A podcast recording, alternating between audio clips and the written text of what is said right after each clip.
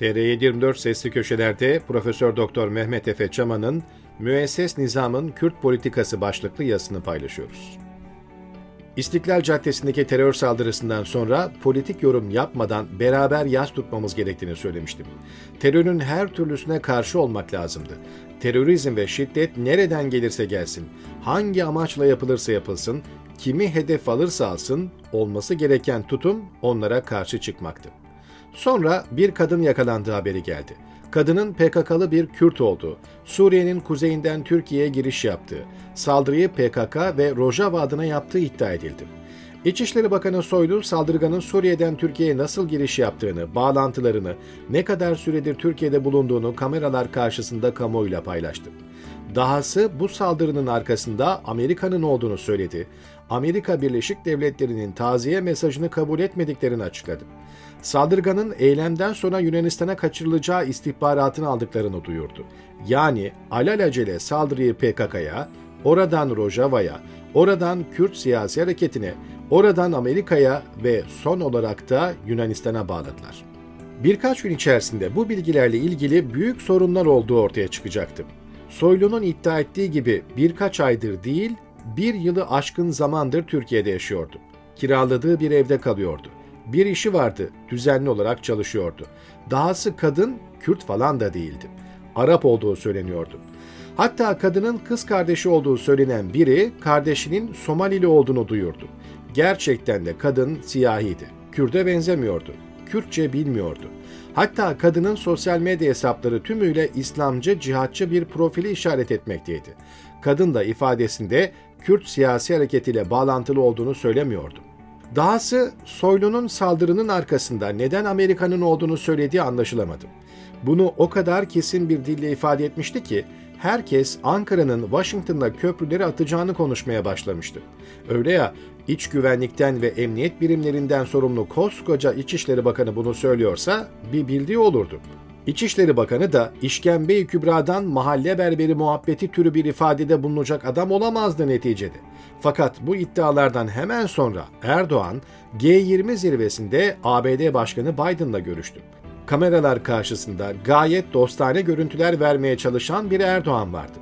Bu buluşmada çekilen fotoğraflar havuz medyasınca ilk sayfalardan veya ilk haber olarak paylaşıldı. Tabana dünya lideri Erdoğan gazı verildi.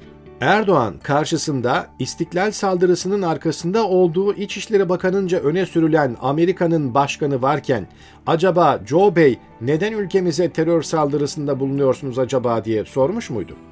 Bu soru havuz medyasında gündeme gelmedi. Hatta enteresan biçimde muhalefet de Soylu'nun iddiasını sorgulama ihtiyacı hissetmedi. Erdoğan'ın Biden'la buluşmasında bir gariplik görmedi, durumu gündeme taşımadı. Akabinde ne oldu? Dün geç saatlerde Türkiye'ye ait savaş uçakları Kuzey Suriye'deki Rojava bölgesinde bulunan yerleşim alanlarını bombalamaya başladı. İstiklal saldırısı bahane edilerek seçimlere giden süreçte Kuzey Suriye'de askeri bir harekata kapı aralanıyordu. Birkaç hafta önce HDP heyetiyle buluşan AKP gündemi varken bir anda Kürt siyasetinin yasaklanması, Kürtlerin bombalanması konuşulur oldu. Seçimlerden hemen önce gündem Şahin Kürt politikalarının uygulanmasına kaydı. Aynı Haziran-Kasım 2015 seçimleri arasındaki dönemi andıran bir kurgulamayla siyasi mühendislik mi yapılıyordu? Bu arada adına bazılarının ısrarla muhalefet dediği partiler, CHP'si, İyi Partisi, Devası falan gözlerimi kaparım, vazifemi yaparım, olmadı öte yana bakarım veya en kötüsü yan yatarım moduna girdiler.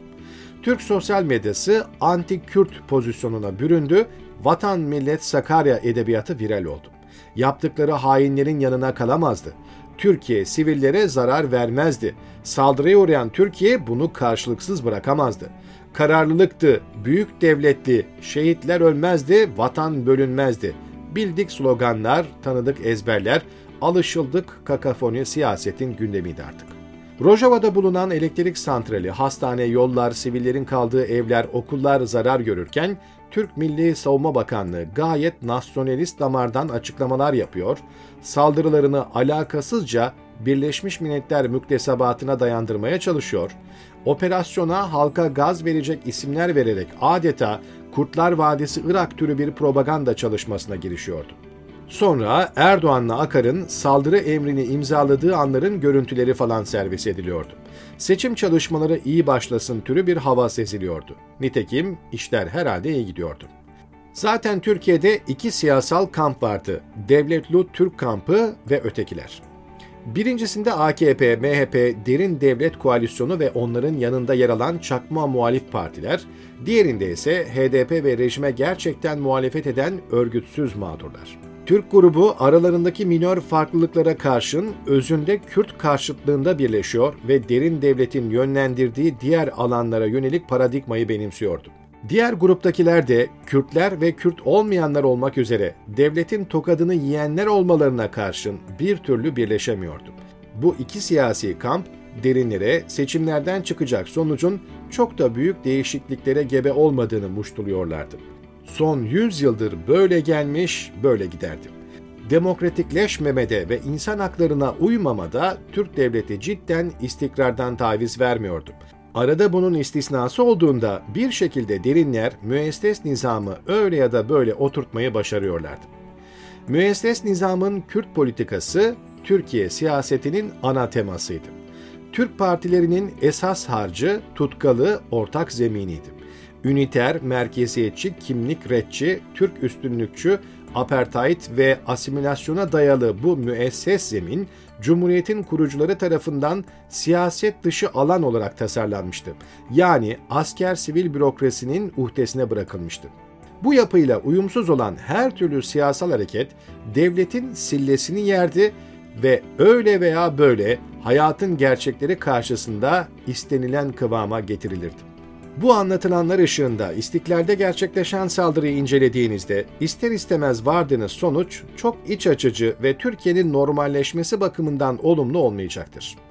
2023 başkanlık seçimleri Erdoğan ve müttefikleri açısından bir ölüm kalım mücadelesidir.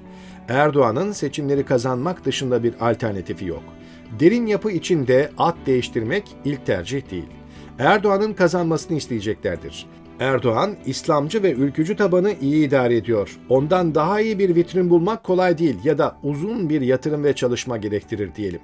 Dış düşman ve iç düşman figürleri üzerinden güvenlikleştirilecek seçimler başa beladır. Buna bir de seçim güvenliğinin tekin olmadığı gerçeğini ekleyin. Yani hem taktik avantaj var hem de oyunu masa başında kazanabilecek enstrümanları mevcut. Buna HDP dışında rejime gerçek manada muhalefet olmamasını da ekleyelim. Tansiyonu yükselterek mağdur edebiyatı üzerinden birçok film çevirebilecek, istiklal misali senaryoları ustalıkla sahneleyebilecek bir yapıyı da unutmayalım. 15 Temmuz ve akabinde gerçekleşen olaylar silsilesi sanırım bu adamların kabiliyetini ve marifetlerini herkese gösterdi. Müesses nizamın Kürt politikasını yapı söküme uğratmadan sistemsel değişiklikler olası değil.